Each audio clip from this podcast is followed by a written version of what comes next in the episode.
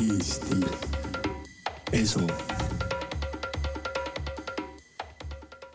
tervist, head kuulajad, alustab uus Eesti Eso episood. täna räägime energiast ja energiast nimega raha. stuudios istub mul Kristi Saare, tere Kristi! tere, tere! no sina tead rahast üht koma teist. lugesin sinu kodulehelt, et sa hakkasid investeerimisele ja rahale ja nii-öelda sellele majandusmaailmale nagu süstemaatilisemalt mõtlema juba keskkoolis. kuidas see niimoodi juhtus?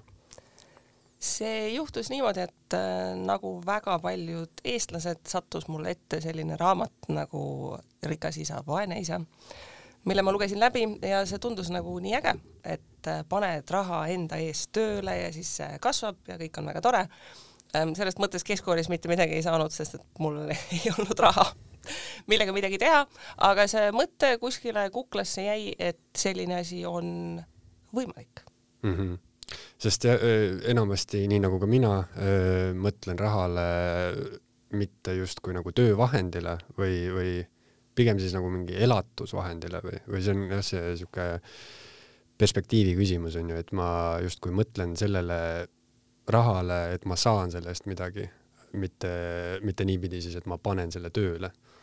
no eks see ongi see mõtteviisi klõps, mis peab nagu käima, et äh, mitte et ma töötan selleks, et raha teenida ja siis ma saan seda raha kulutada, äh, vaid pigem see, et ähm, see raha, mida ma olen suure vaevaga enda juurde, eks ju, äh, koju toonud, et kuidas ma saaksin võtta sellest maksimumi.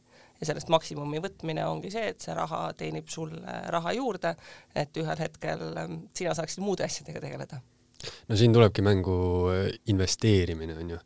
et äh, sinu saatesse kutsumise mõte sai mul alguse sellest, et sa andsid meil äh, töö juures koolituse, loengu investeerimisteemadel ja, ja sealt ma nagu hakkasin ise ka mõtlema, et, et ma olen rahatarkuses nagu täielik amatöör ja, ja sa ütlesid, et eestlased üleüldiselt on, kuigi nagu rääkisime ka põgusalt, et seda investeerimise ja raha juttu justkui pasundatakse igalt poolt, onju.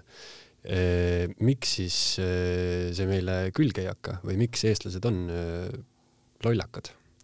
ei, eestlased ei ole lollakad. Asi on selles, et rahatarkus nagu igasugused muud eluoskused on õpitavad, noh, iga inimene õpib, kuidas süüa teha, kuidas tuba koristada, kuidas õppida ja kuidas rahaga ümber käia on ka õpitav oskus ja väga paljud meist ei olegi seda lihtsalt mitte kunagi elus teadlikult õppinud me ei ole seda saanud enda kodust kaasa, noh, meie siin oleme sinuga sarnases vanuses, noh, meie vanemad ei ole väga paljusid tänapäevaseid finantsinstrumente üldse kasutanud, et nad oleksid saanud meile nende kasutamisest rääkida. Äh, mina suutsin kooli läbida ilma, et mulle oleks üheski aines rahatarkust väga teadlikult äh, õpetatud. Ja siis sa sukeldudki sinna igapäevaellu ja siis juba ongi kiire ja vaja tööd teha, vaja õppida ja perega tegeleda ja kõige muuga. Ja sa ei võtagi teadlikult seda aega, et et äh, aga õpime nüüd ära, et mis asi see raha on, kuidas ta toimib ja mida ma saaksin ja mida ma peaksin tegema selleks, et mu elus oleks sellist äh, rahulolu rohkem, et ma ei peaks muretsema nii palju, et kuidas asjad rahaga toimivad. No siin, äh, siin tulebki seesama võrdlus mängu justkui, et, et raha oleks energia või ta on nagu vahend, on ju, et et noh, raha justkui õnnelikuks ei tee, aga õnnetumaks ta ka ei tee äh, ütleme, raha puudumine õnnetuks, no oleme ausad, teeb ikkagi väga ruttu. et noh, tänapäeva maailmas, kui sul ei ole raha, siis on siiski väga palju asju, mida sa saa, ei saa teha. Ähm, et noh, alustame sellest, et äh, noh, igapäevaselt äh, see, millises kodus me elame, millist toitu me sööme, kuidas me saame veeta aega enda perega, eks ju, Ähm, kui palju meil on vaba aega, sest et ülejäänud aeg on tööga tegelikult äh, seotud, et ähm, ainult raha õnnelikuks ei tee, aga raha puudumine õnnetuks teeb ikkagi väga ruttu, sest et äh, noh, suur hulk inimesi elavad kogu oma elu, nad isegi nagu ei, ei noh, ole teadlikud, aga nad elavad kogu oma elu nii, et kuklas on kuskil selline rahaline stress. et sa kogu aeg mõtled, et ah, kui midagi juhtub, mis siis saab, eks ju, mul ei ole piisavalt sääste.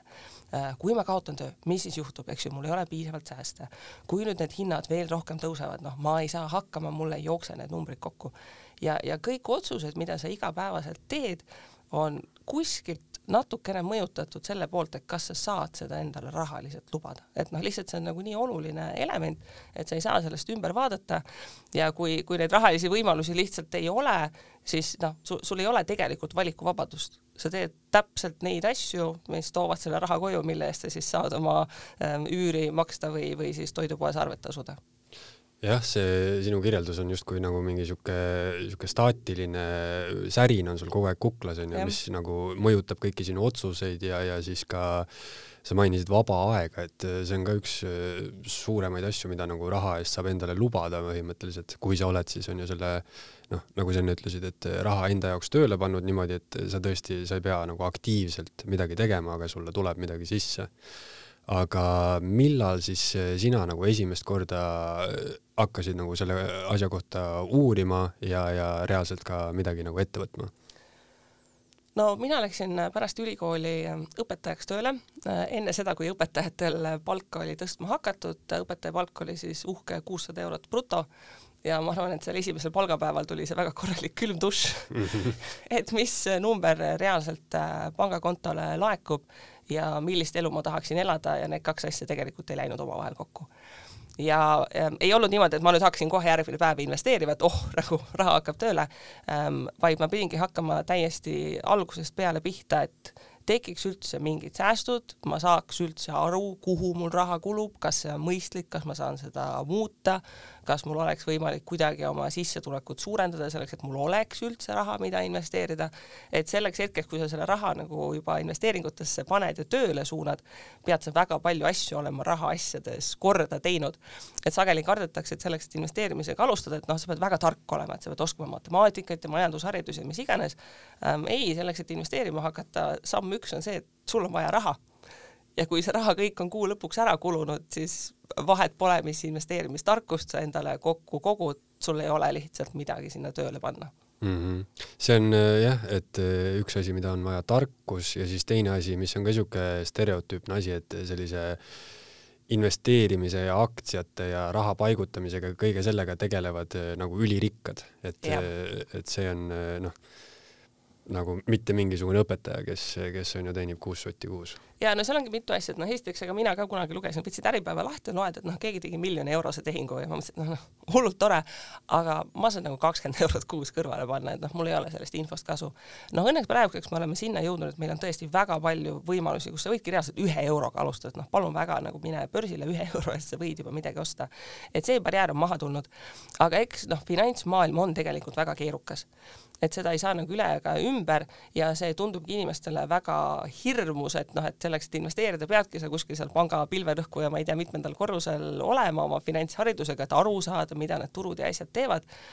Ja kui sa ei olegi noh, kuskilt taustalt seda finantsharidust saanud, no aga investeerimine ongi hirmus, sest et sa oled teinud kõvasti tööd ja näinud vaeva selleks, et seda raha teenida ja see mõte, et ma jään sellest ilma, sest ma teen mingeid halbu otsuseid, on noh, täiesti õigustatult äh, täitsa hirmus see on jah, ka veel mingisugune kolmas niisugune stereotüüpne arusaam võib-olla, et see on mingis mõttes nagu selline ütleme, panustamine või nagu see riskifaktor on ju, et kas ja. ma võidan või ei võida, on ju, et see nagu võib-olla seostub natuke mingi ruletilauaga. ja et inimesed äh, sageli ülehindavad seda, et kui suur see kaotuste risk on ja noh, selle kaotustega on see, et noh, kui sa lähed poodi ja selle raha eest midagi ostad, siis ta on täiesti läinud sada protsenti, eks ju.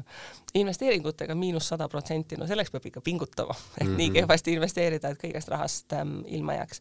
nii et seal on neid hirme nagu hästi palju, see, et sul peabki olema palju raha, et sa pead olema väga tark, et see ongi väga keerukas ja ligipääsmatu ja noh, siis kui inimestel ongi koht, et tahaks kuskilt alustada, noh siis tegelikult ongi raske ja noh, praegu on fantastiliselt hea aeg juba alustamiseks, võrreldes sellega, kui mina kümme pluss aastat tagasi alustasin noh, internetist otsisid infot, et noh, kuidas see investeerimine käib, eks ju, midagi väga palju ei olnud, siis see, et praegu, eks ju, lehes kirjutatakse, meil on eestikeelsed raamatud, meil on podcast'id, noh, seesama koht, et ma käin näiteks ettevõtetes rahatarkusest rääkimas, sest et ettevõtjad on aru saanud, et see on neile ka väärtuslik, kui nende töötajad on rahatargad, et see infokogus, noh, kohati võib-olla juba väga suureks läinud, et tekib küsimus, et kust üldse alustada.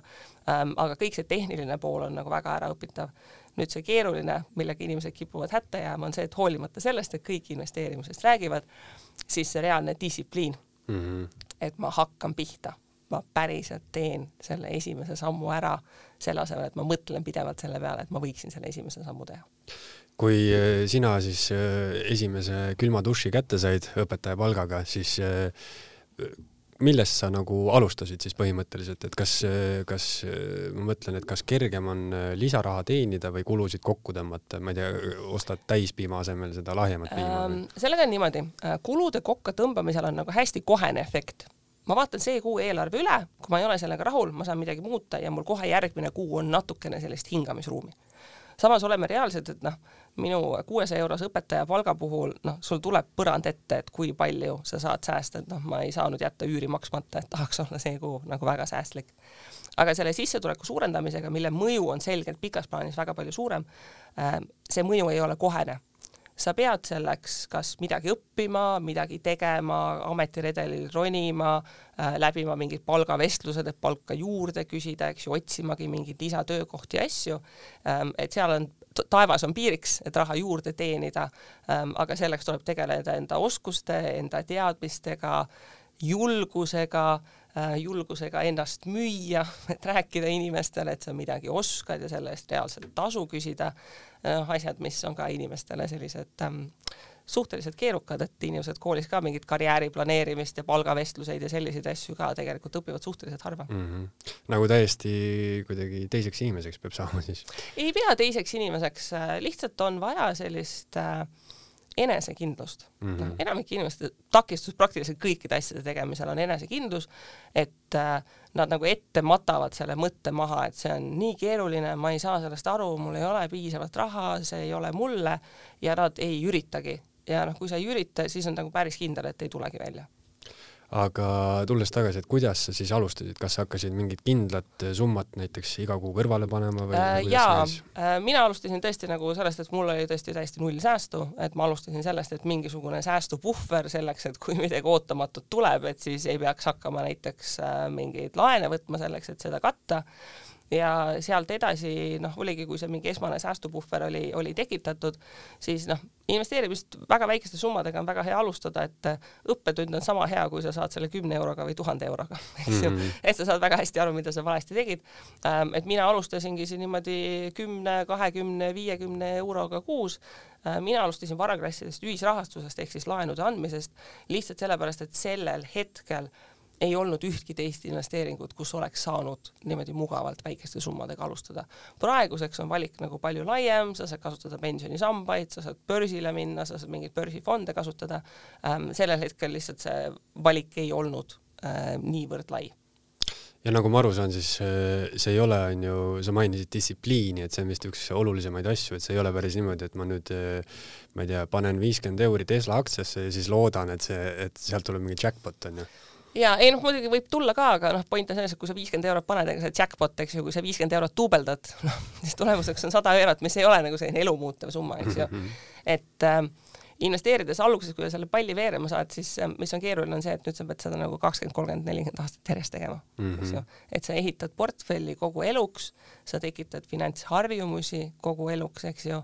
ja noh, oleme ausad, esimesed, noh, ma arvan, mingi viis aastat noh, räägitakse küll, et eks ju, et see portfell kasvab ja liitintress on maailma kõige võimsam jõud ja mis iganes, noh, sa ei näe väikeste summadega seda liitintressi, no lihtsalt ei näe, et sa alguses täiesti tuimalt, puhta distsipliini pealt paned seda raha juurde selle hetkeni, kui sa ühel hetkel hakkad tajuma, et aga kuule, et nagu see kuu juba portfell kasvas nagu rohkem, kui ma ise suutsin kõrvale panna, et kuule, vau, et nagu asjad liiguvad mm. -hmm. jah, see sinu koolitusel ka üks, üks siukseid lauseid, mis mulle meelde jäi, oli siis see, et, et kas te tõesti tahate oma lastele jääda siis koormaks nii-öelda onju, et kui sa võib-olla jah, ei olegi, nelikümmend aastat ei ole sellele mõelnud, järsku avastad, et sa oled kuuskümmend viis ja, ja raha ei ole siis on jah natuke raske, et noh, meil Eestis räägitakse veidikene nagu vähem nendest numbritest, mis on selle pensionieaga seonduvad, et äh, esiteks inimesed on päris optimistlikud, et nad surevad palju nooremalt, kui nad tegelikult surevad, et noh, inimesed peaksid siiski planeerima pigem sellise keskmise kaheksa kuni viie aastase elueaga.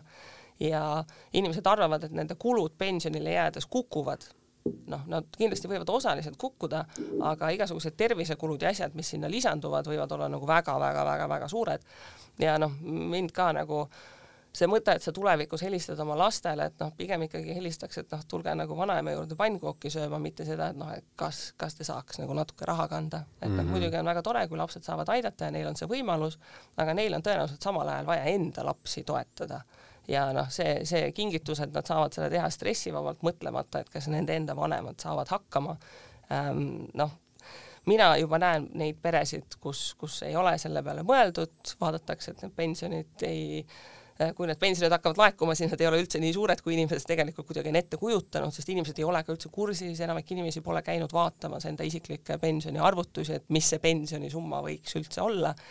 Ja siis see pensioniea saabumine tuleb tihti ka nagu päris külma dušina, et see ei ole see pensionärid soojamaa reisil, mida, mida siin kunagi telekas reklaamiti kuidagi inimestel ja, ja ma ise tunnen seda ka, et äh, hästi raske on tõesti nagu ette mõelda ja noh, rääkimata siis on ju äh, mitmekümnetest aastatest, kui mul on raske võib-olla järgmisesse nädalasse nagu täpselt mõelda, et oh, mis ma siis teen, onju.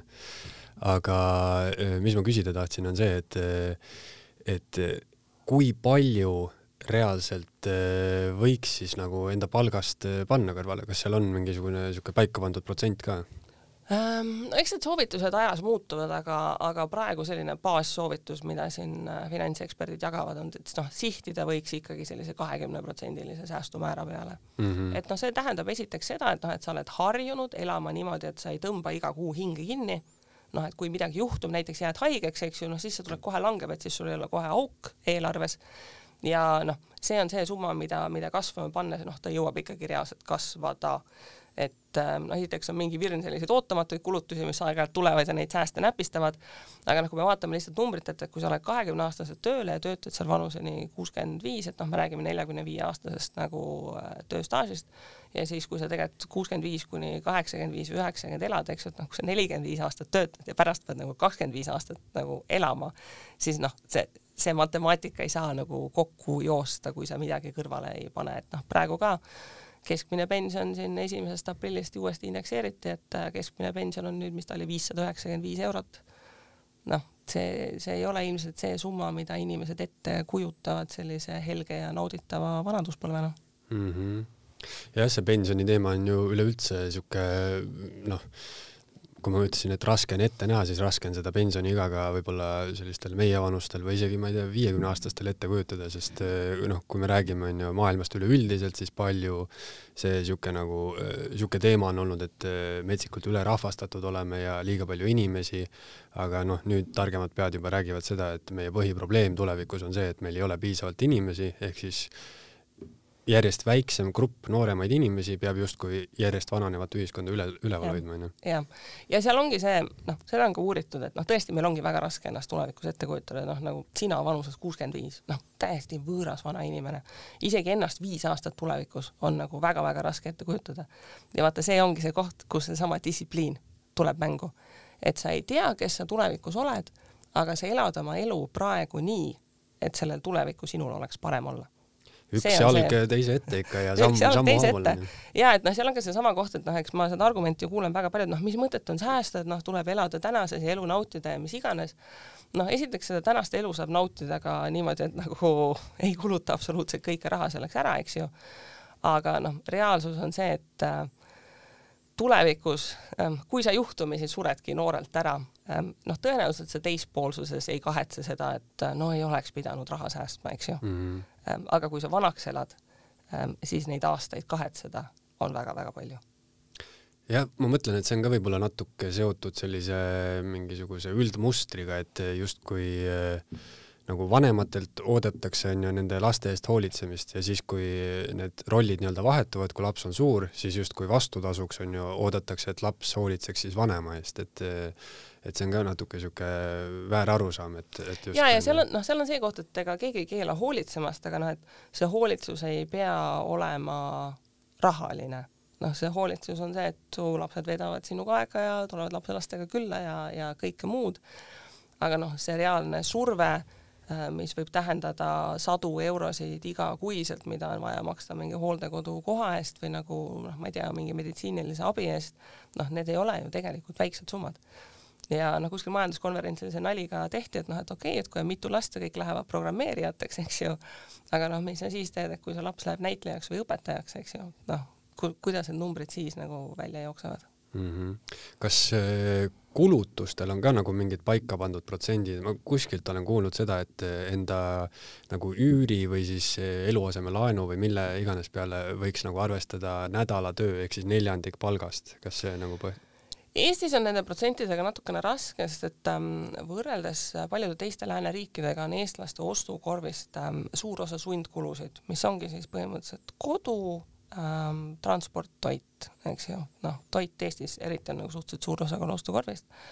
kodu puhul noh, oleks nagu muidugi tore ähm,, kui kodukulud kokku jääksid seal alla kolmandiku.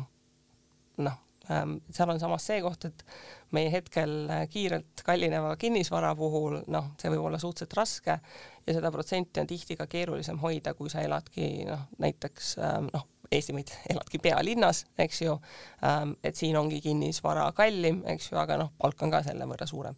mingis väiksemas piirkonnas seda protsenti võib olla oluliselt lihtsam hoida. aga selline üldine soovitus on jah, et, et kodu võiks seal alla, alla kolmandiku jääda või noh, kolmekümne protsendi ähm, auto, mis on see, mis tavaliselt eestlaste eelarve nagu täiesti külili lükkab, noh, seal soovitus võiks olla tegelikult see, et pere transpordikulud võiksid kümne protsendi sisse jääda ja noh ähm,, selleks peavad Eestis päris suured palgad olema, et see peretranspordikulu jääks kümne protsendi sisse, et noh, väga paljudes peredes logistilistes põhjustes, kui sul on kaks autot, noh, siis ega seal ei ole midagi väga teha.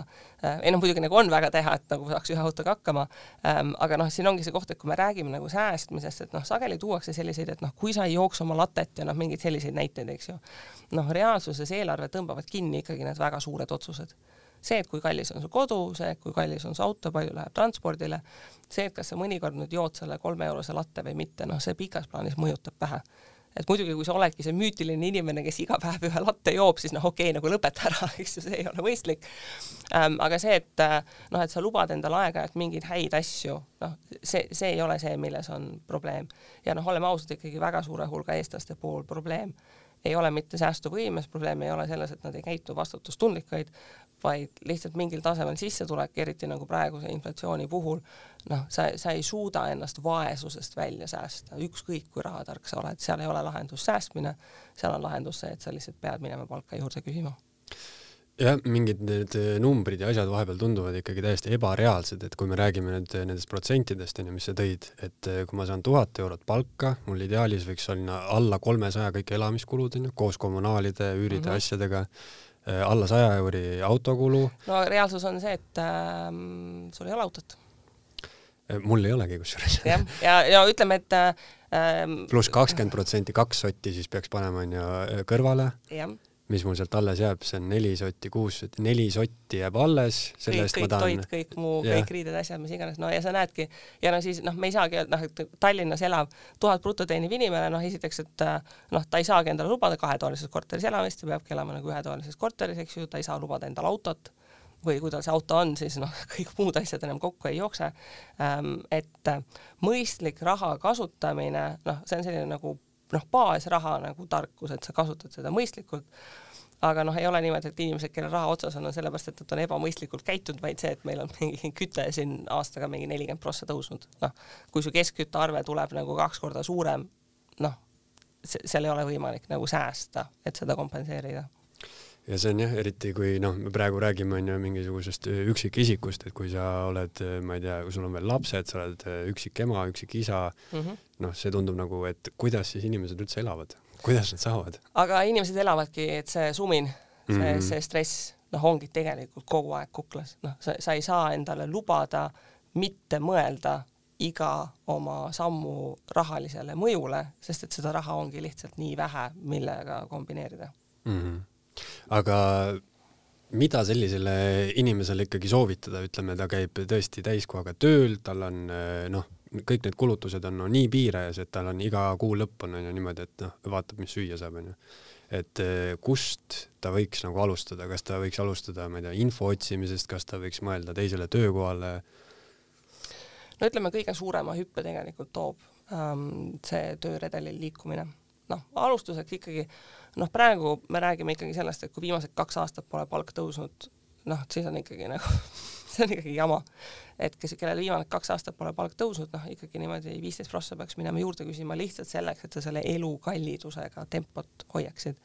ja siin nagu ongi väga hästi näha, noh, see kahvel nagu, kuhu inimesed jäävad kinni, kui sa tahaksid, eks ju, liikuda teisele töökohale, noh, tõenäoliselt sul on vaja midagi õppida. noh, ta ei pruugi olla, et sul on mingit kraadi vaja, aga sul on lihtsalt mingeid oskuseid ja asju vaja õppida ja kui sa oledki oma selles ühes töökohas kinni, vaba aega ei olegi, siis noh, et millal ma õpin neid asju juurde selleks, et kuskile liikuda. Et see peabki olema tegelikult väga selline strateegiline plaan, et sa alustadki sellest samast äh, turu-uuringust, võtad kasvõi selle Statistikaameti palgarakenduse ette ja lähed vaatad, et mis palgad on mingites erinevates valdkondades, et Eestis töökuulutused on meil jätkuvalt, eks ju, salajase palgaga, äh, nüüd vist on lootust, et lõpuks hakatakse avalikustama, aga lihtsalt käid, surfad need ametinimetused seal läbi ja vaatad, et noh, aga mis seal on üldse need keskmised palgad. Ja väga tihti inimesed täiega üllatuvad seda tehes, sest me ei ole tegelikult kursis väga paljude valdkondade palkadega me ähm, arvame, et need on sageli madalamad, kui nad on, või vastupidi, mõne puhul mõtleme, et ah, selles kindlasti makstakse kõrget palka ja siis reaalsuses vaatad, et tegelikult ei ole midagi. et see on see, seesama turu-uuringu koht, et mine vaata, mine vaata, äkki on mingid ametikohad, mille jaoks sul on juba kõik oskused ja kvalifikatsioon olemas ja sa saad sinna edasi liikuda. et ähm, see on selline ettevõtmise asi, et hakkad otsast uurima. Ja noh, ongi see, et liikuda töökohale, kus saab nagu kakssada eurot kuus rohkem palka, noh, on tõenäoliselt siiski tehtavam kui näiteks oma tuhande eurosest palgast lisa kakssada eurot kuskilt säästa, noh, seda mm, -hmm. seda ei ole lihtsalt nagu kuskilt võtta nojah, see, see sinu jutust jääb kõlama ikkagi see, et tuleb midagi ette võtta ja kuskilt ja. nagu, et noh, et niisama see seis on ju, või, või loota mingisugusele riigiabile või ma ei tea, majanduslangusele või mis iganes on ju. ja et noh, kahjuks äh, oleks hullult tore, kui keegi tuleks ukse peale koputama, et palun võta raha ja mm -hmm. palun võta kõrgema palgaga töökohta, aga ähm, noh, lihtsalt meie ühiskond on, on piisavalt individualistlik, et igaüks peab ise pingutama, enda eest seisma ja noh, see ongi esimene samm, et äh, tunnistage endale, et äh, okei okay,, et ma ei oska ähm,. siis tuleb hakata otsast õppima, et noh, seesama ähm, tööintervjuudel käimine, motivatsioonikirja kirjutamine, noh, mingite oskuste juurde õppimine, noh, need on kõik nagu väga nagu tehnilised oskused, et noh, kui sa ei oska nagu CV-d koostada, mine võta mingid Youtube'i videod või mingid tasuta kursused ette ja õpid selle lihtsalt ära aga sul peab olemagi just see tahtejõud, see distsipliin, et okei okay,, et ma hakkangi seda tegema. Ja kui mul praegu ei olegi aega või energiat, siis võtangi, et okei okay,, iga päev näiteks viisteist minutit ma midagi teen. Ja sa ise ka üllatud, et kuidas otsast hakkavad asjad natukene ikkagi liikuma. Äh, üks võimalus, kuidas äh, raha veits kokku hoida, on äh, paljude hulgas ikkagi see, et peaks enda kodu ostma üürimise asemel, onju, sest laenumakse on tihtipeale väiksem kui, kui see üür, onju ja enda loengul sa mainisid, et, et see korteri eh, sissemaksuraha, selle võiks kokku koguda nagu kolme kuni viie aasta jooksul, et muidu, muidu sa vaatad liiga kalleid kortereid, kui ja. see ei jää on ju sinna. et kui ma praegu mõtlen, et noh, et kui inimesel on võimalus siis panna kakssada euri kuus kõrvale, eh, viie aasta peale teeb see siis eh, kuuskümmend kuud, see on siis kaksteist tuhat. jah kaheteist tuhandese. saab ühetoalise paneelika korteri. saab või? no kui me räägime siin äh, viisteist prossa sissemaksust mm. -hmm. aga ütleme, kui, äh, kui mul ei ole aega viis aastat oodata. aga vaata, siin ongi nüüd see reaalsus, et ähm, kas, äh, kas mul oleks mõistlik nagu selle kahesaja euriga, ütleme selle viie aasta jooksul see panna kuhugi, investeerida, võib-olla natuke riskida, et see võib-olla suuremaks Kindlasti saada? kindlasti mitte no,. et peaks ütleme, ikkagi panema no kolm aastat ajahorisondina on piisavalt lühike, et sa ei saa garanteerida, et börs ei ole selle aja peale kukkunud. aga noh, lihtsalt see küsimuse koht, et noh, kui me räägime inimest, inimesest, kes teenib tuhande eurost palka ähm,, noh, tal ei olegi reaalne Tallinnas kinnisvara omada mm. -hmm noh, me võime rääkida mingist ideaalsest maailmast, kus kõik inimesed võiksid kinnisvara omada, aga noh, tuhande eurose palgaga inimene on ju ka panga silmis noh, vaevu laenukõlbulik, et ta on napilt sellest miinimumpiirist üle ja see, et ta ostab kinnisvara Tallinnas ähm, see on siiski suhteliselt ähm, keeruline eesmärk. see on nagu surmaring, et sa võid siis osta onju kuskil Eesti väikelinnas, ma ei tea, poole odavamalt, võib-olla isegi rohkem onju, aga noh, sul ei ole, sul ei ole sellist tööd seal onju. jah et noh, seetõttu ongi see, et me näeme ka, et noh, Tallinnasse kui inimesed tulevad sisse, eks ju, nad tulevadki, kolivad oma mingitesse ühetoalistesse üürikatesse, et sa saad võimalikult odavalt linna sisse, hakkadki tööl käima nii, et sa võib-olla sõidadki kuskile teise linna otsa, et sa saaksid seda raha hakata kokku koguma ja saaksid kuskile liikuda. ja noh, see ongi üks nendest kohtadest, et noh, miks just see põlvkondade ülene rahatarkus on väga oluline, noh, mida praegu on ka näha noh, praegu meil kinnisvara hind tõuseb sellise tempoga, et inimesed ei suuda nagu järgi säästa, et meil on mingi hulk inimesi, kes praegu lihtsalt lükati sisuliselt igaveseks kinnisvaraturult välja või noh, näiteks nende ostuvõimekus lükatigi näiteks kümme aastat edasi. ja see on just nagu see koht, et äh, kui sul näiteks lapsevanemana on võimalik oma last aidata selle esimese koduostuga et sa saadki aidata teda selle sissemaksesummaga või on võimalus enda kinnisvara panna tagatiseks, et ta saab sinna kinnisvararedelile, sest et noh, reaalsus on see, et mida kauem ta üürib, seda kauem ta maksab seda raha sisuliselt tühja ja seda, eks ju, raskem on seda kokku koguda, et noh, me enda portfelli järgi vaatame ka, et noh, kui sa elad mustaka kahetoalises, talvel maksad kommunaalidega koos mingi kuussada viiskümmend euri, eks ju, et noh, mis see sissetulek peab olema selleks, et sa saaksid midagi üldse kõrvale panna või jah, et see siis äh, jääks on ju sinna piiridesse näiteks, et see kuussada viiskümmend oleks on ju alla kolmandiku äh, sinu sissetulekust, no siis sa pead ju kaks tonni teenima. jah. Mm -hmm.. aga ütleme, kui mul ei ole, kui mul ei ole rikkaid vanemaid. saab tööd teha siis tuleb tööd teha. ei no see on Kas... nagu selles suhtes nagu reaalselt noh, nagu äh, see, seda on nagu, kui sa juba sündinud oled, siis on nagu hilja valida et võiksid rikkad vanemad olla ähm,. jah, ja see on ka üks asi, mis nagu selle rahatarkuse teemaga tõmbab inimesed kuidagi nagu kinni, et ähm, noh, see arusaam, et äh, inimestel ongi väga erinevad stardipunktid ja need võivadki olla nagu väga, väga ebaõiglased. Et kui sa oledki sündinud suure sissetulekuga peresse, siis isegi olulisem sellest, et kas vanemad saavad sind rahaliselt aidata, on tihti see, et kui palju sulle on antud rahatarkust kaasa. noh, et kas sa tead, et, et krediitkaart on halb, kas sa suudad planeerida, kas sa lähed enesekindlalt palka küsima. Need on asjad, mida sageli siiski nagu ähm, väiksema sissetulekuga pere laps ei ole nagu kodust kaasa saanud. Et äh, rohkem isegi see oskuste ja teadmiste pagas seda, seda mõjutab. Ja ega seal ei olegi mitte midagi muud teha, et nagu öeldud äh,, keegi seda abikätt ei äh,, ei tule andma, et noh, sa, sa pead ise hakkama otsast kasvõi väikeste sammudega minema ja noh, nii on, et siin, siin ei ole mingit võluvitsa.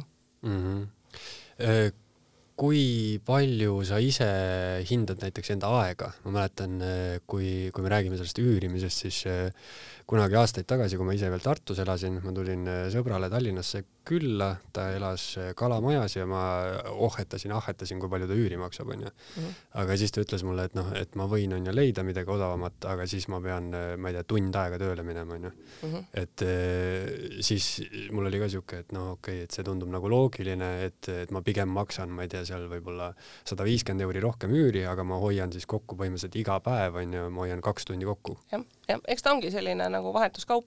mina olen ka teadlikult nagu äh, ähm, Tallinnas olles elanud äh, niimoodi, et mul on kõik vajalikud asjad jalutuskäigu kaugusel, et ei ole vaja peres kahte autot ähm,. saab praktiliselt igale poole jalutada ja see ajasääst on tegelikult meeletu. aga noh, seal ongi täpselt see koht, et äh, kui sa niimoodi planeerid, siis on see küsimus, et noh, et kas sa teed selle säästetud ajaga midagi asjalikku. või vaatad Netflixi. jah, et kui ma nagu rendin Kesklina korterit aega säästa ja siis ma selle säästetud aja nagu kulutan Netflixi vaatamisele, et noh, see on ka iseenesest okei okay,, aga siis ongi küsimus, et kui palju see Netflixi vaatamise aeg sulle nagu väärt mm -hmm. tegelikult on, eks ju. oleneb, mida sa vaatad Netflixist. ja oleneb, mida sa vaatad, eks ju. et noh, ega elu lõppude lõpuks ongi valikute küsimus, et noh, selle raha teema koha pealt ka, et noh, mul mõnikord küsitakse nagu, et noh, et kas sa nagu kogu aeg mõtledki rahast või mm. -hmm. ja siis ma olen mingit tead, et nagu mida aeg edasi, seda vähem ma rahast mõtlen, sest et rahast mõtlemine laias laastus tähendab muretsemist. ja kui mul raha ei olnud, siis ma mõtlesin väga palju rahast kogu aeg, sest ma pidin kogu aeg muretsema, kas mul kuu lõpus on raha, kas ma saan asjad makstud, kui midagi juhtub ähm,. kui see nagu baasmuretsemise foon on nagu läinud, siis sa mõtled igasugustele muudele asjadele, mida võiks teha. ja noh, siin ongi see aja planeerimise koht, eks ju, et ähm, ei, ei ole niimoodi, et äh, kui on suurem sissetulek, et äh, siis enam ise muru ei niida, vaid nagu palkad kellegi muru niitma, et kui sa naudid seda muru niitmist, siis palun väga, eks ju, aga sa ei pea muretsema samal ajal, kui sa seda muru niidud, et ah oh,, appi, et nüüd ma olen nii väsinud, et pean homme tööle minema, eks ju mm. -hmm. et, ähm, et noh, see on see prioriteetide nihkumine ja eks igaüks otsustab, et mis, ähm, mis nagu tema jaoks olulisem on nojah, sellise, selle kuklasse hingava surina vastandiks on siis sul sihuke hea, hea ma ei tea, sõna välja mõeldud, mis on meelerahufond äh,? noh, ütleme vaata inglise keeles on see termin financial well-being, eks ju mm -hmm., see finantsiline nagu heaolu või nagu rahulolu äh, mis tegelikult äh, enamike inimeste puhul, mida ma näen, et see, et rahalised on korras, peegeldub selles, et see inimene on lihtsalt palju julgem. et äh, ta julgeb küsida palka juurde, sest ta ei karda, et appi mind nüüd lastakse lahti, kui ma lähen küsima. ta julgeb katsetada uusi asju, ta, ta julgeb minna mingile teisele tööle, ta julgeb alustada ettevõtlusega, eks ju, ta julgeb võtta aega maha selleks, et minna näiteks koolis midagi täiesti uut õppida. Ähm, et riske on palju lihtsam võtta, kui see rahaline pool on maandatud, et noh, kui sa tead, et okei okay,, et äkki ma otsin uut töökohta ja kui ma kohe ei leia, noh, siis ei ole nüüd see, et okei okay,, et nüüd ma pean kohe kiirlaenu võtma selleks, et saaks mingid asjad ära makstud. et äh, inimesed äh,, nad on rohkem nemad ise. Nad teevad asju, mis neile päriselt meeldivad äh, tänapäeval tundub äh, selline kullapalavikuna tundub natukene ka krüptoraha. Äh, kui, kui palju sa soovitad inimestel nagu sellega tegeleda või kas sa ise, ise paned raha krüptorahasse ähm,? ei, minu portfellis mingi tillukene protsent krüptoraha on, aga noh, ütleme krüptoraha, noh, teda klassifitseeritakse selliseks alternatiivseks investeeringuks, et no meil on igasuguseid alternatiivseid investeeringuid, meil on, ma ei tea, veinid, maalid, krüpto, ma ei tea, müü-, noh, meenemündid, mis iganes asjad. ja noh, laias laastus väga paljude asjadega on võimalik raha teenida mis saab nagu määravaks selliste pisikeste nagu niši investeeringutega, on see, et kui palju sul on nagu aega, et sinna panustada ja mis tasemel on sinu teadmised. noh, see on seesama koht, et veinidesse investeerides, noh, palun väga täiesti viisaka tootlusega varaklass, aga sa pead päriselt teadma, et milline see hea vein on, eks ju, ja, ja kas ta on hea aastakäik ja kuidas ta on hoitud, eks ju. noh, krüptorahaga on samamoodi, et ega neid krüptorahasid on väga palju, et sul peab olema piisavalt teadmisi, et teha see otsus, et kas see on hea või ta ei ole hea ja noh, inimestel sageli on ka selline tunne, et sa pead kõiki neid asju enda portfelli võtma.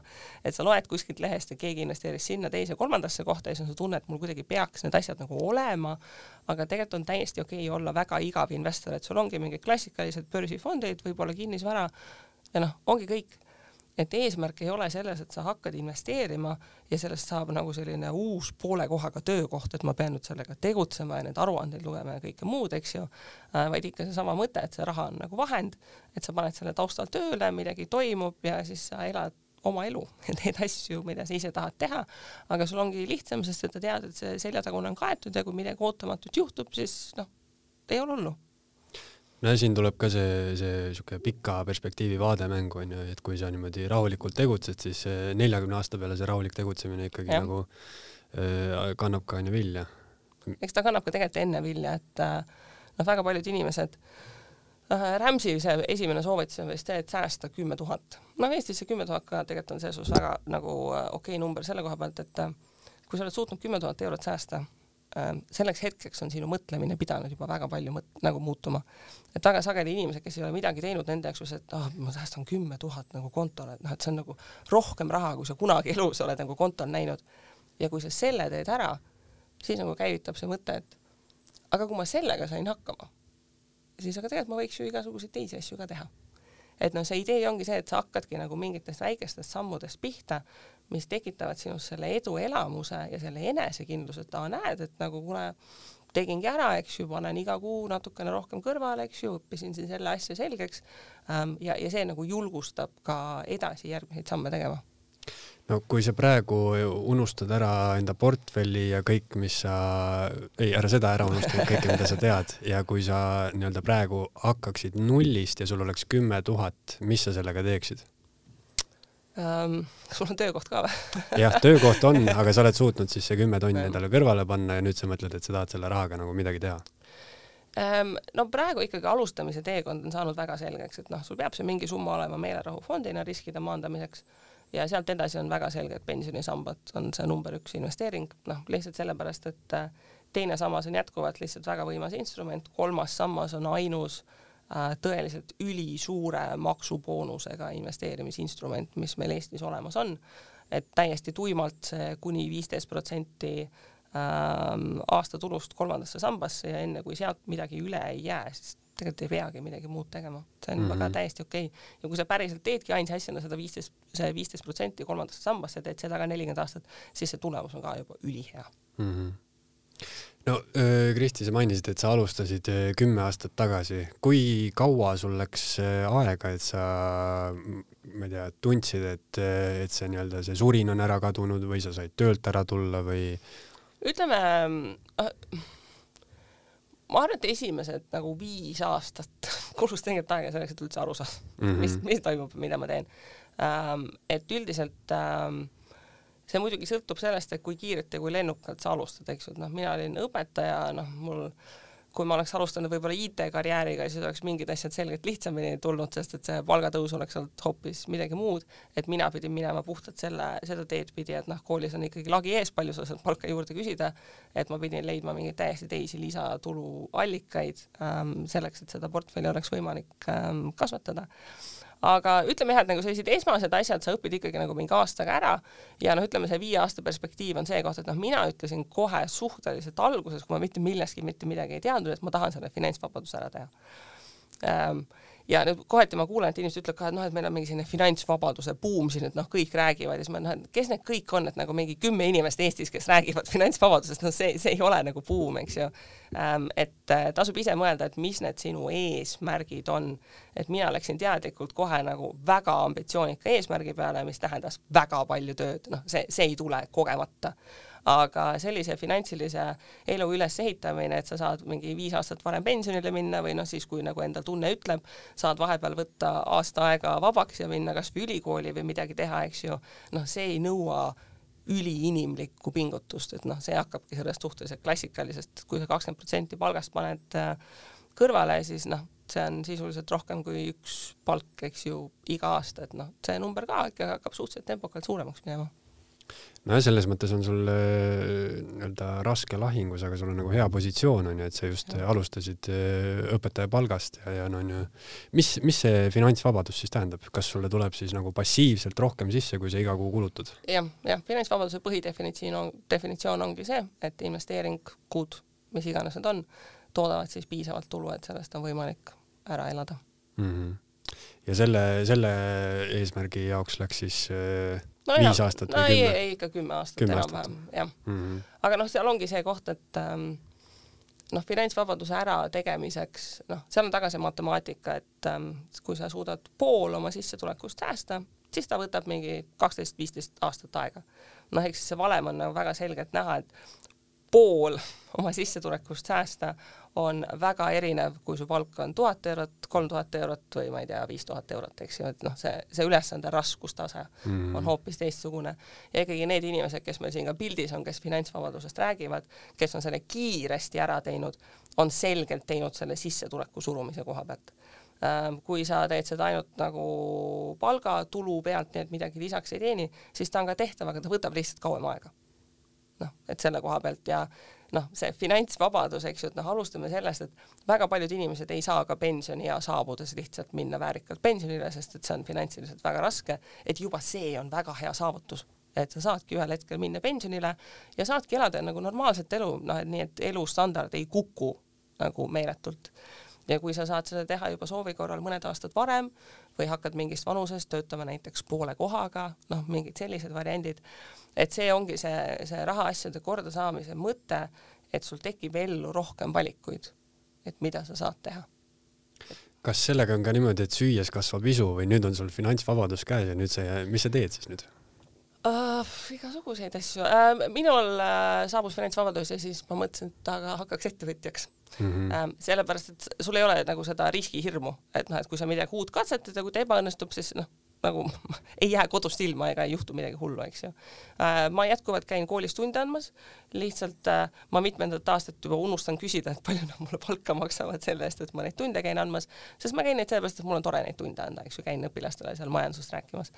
et äh,, et sa teedki lihtsalt neid asju, mis, mis sulle meeldivad, mis tunduvad äh, põnevad ja äh, ja noh, mul on tutvusringkonnas, eks ju, inimesi, kes on finantsvabaduse saavutanud päris paljud, noh, väga paljud neist nagu käivadki tööl ja teevad mingeid projekte ja sul ongi tegelikult palju lihtsam olla lahke oma aja ja oma teadmiste ja energiaga, kui sul nagu on. Seda piisavas koguses, eks ju.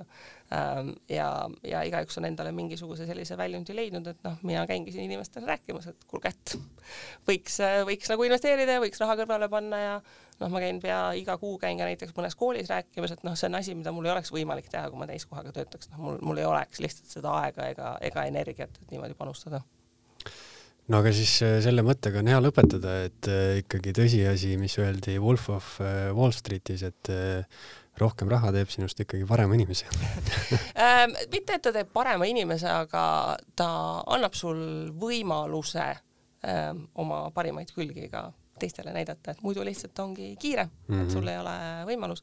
aga minu kogemus on jah, et kui inimeste finantsilised võimalused lähevad äh, paremaks siis nad äh, valivadki olla üldiselt nagu lahkem ja abivalmiv ja toetadagi teisi ähm,, et teistel ka läheks paremini.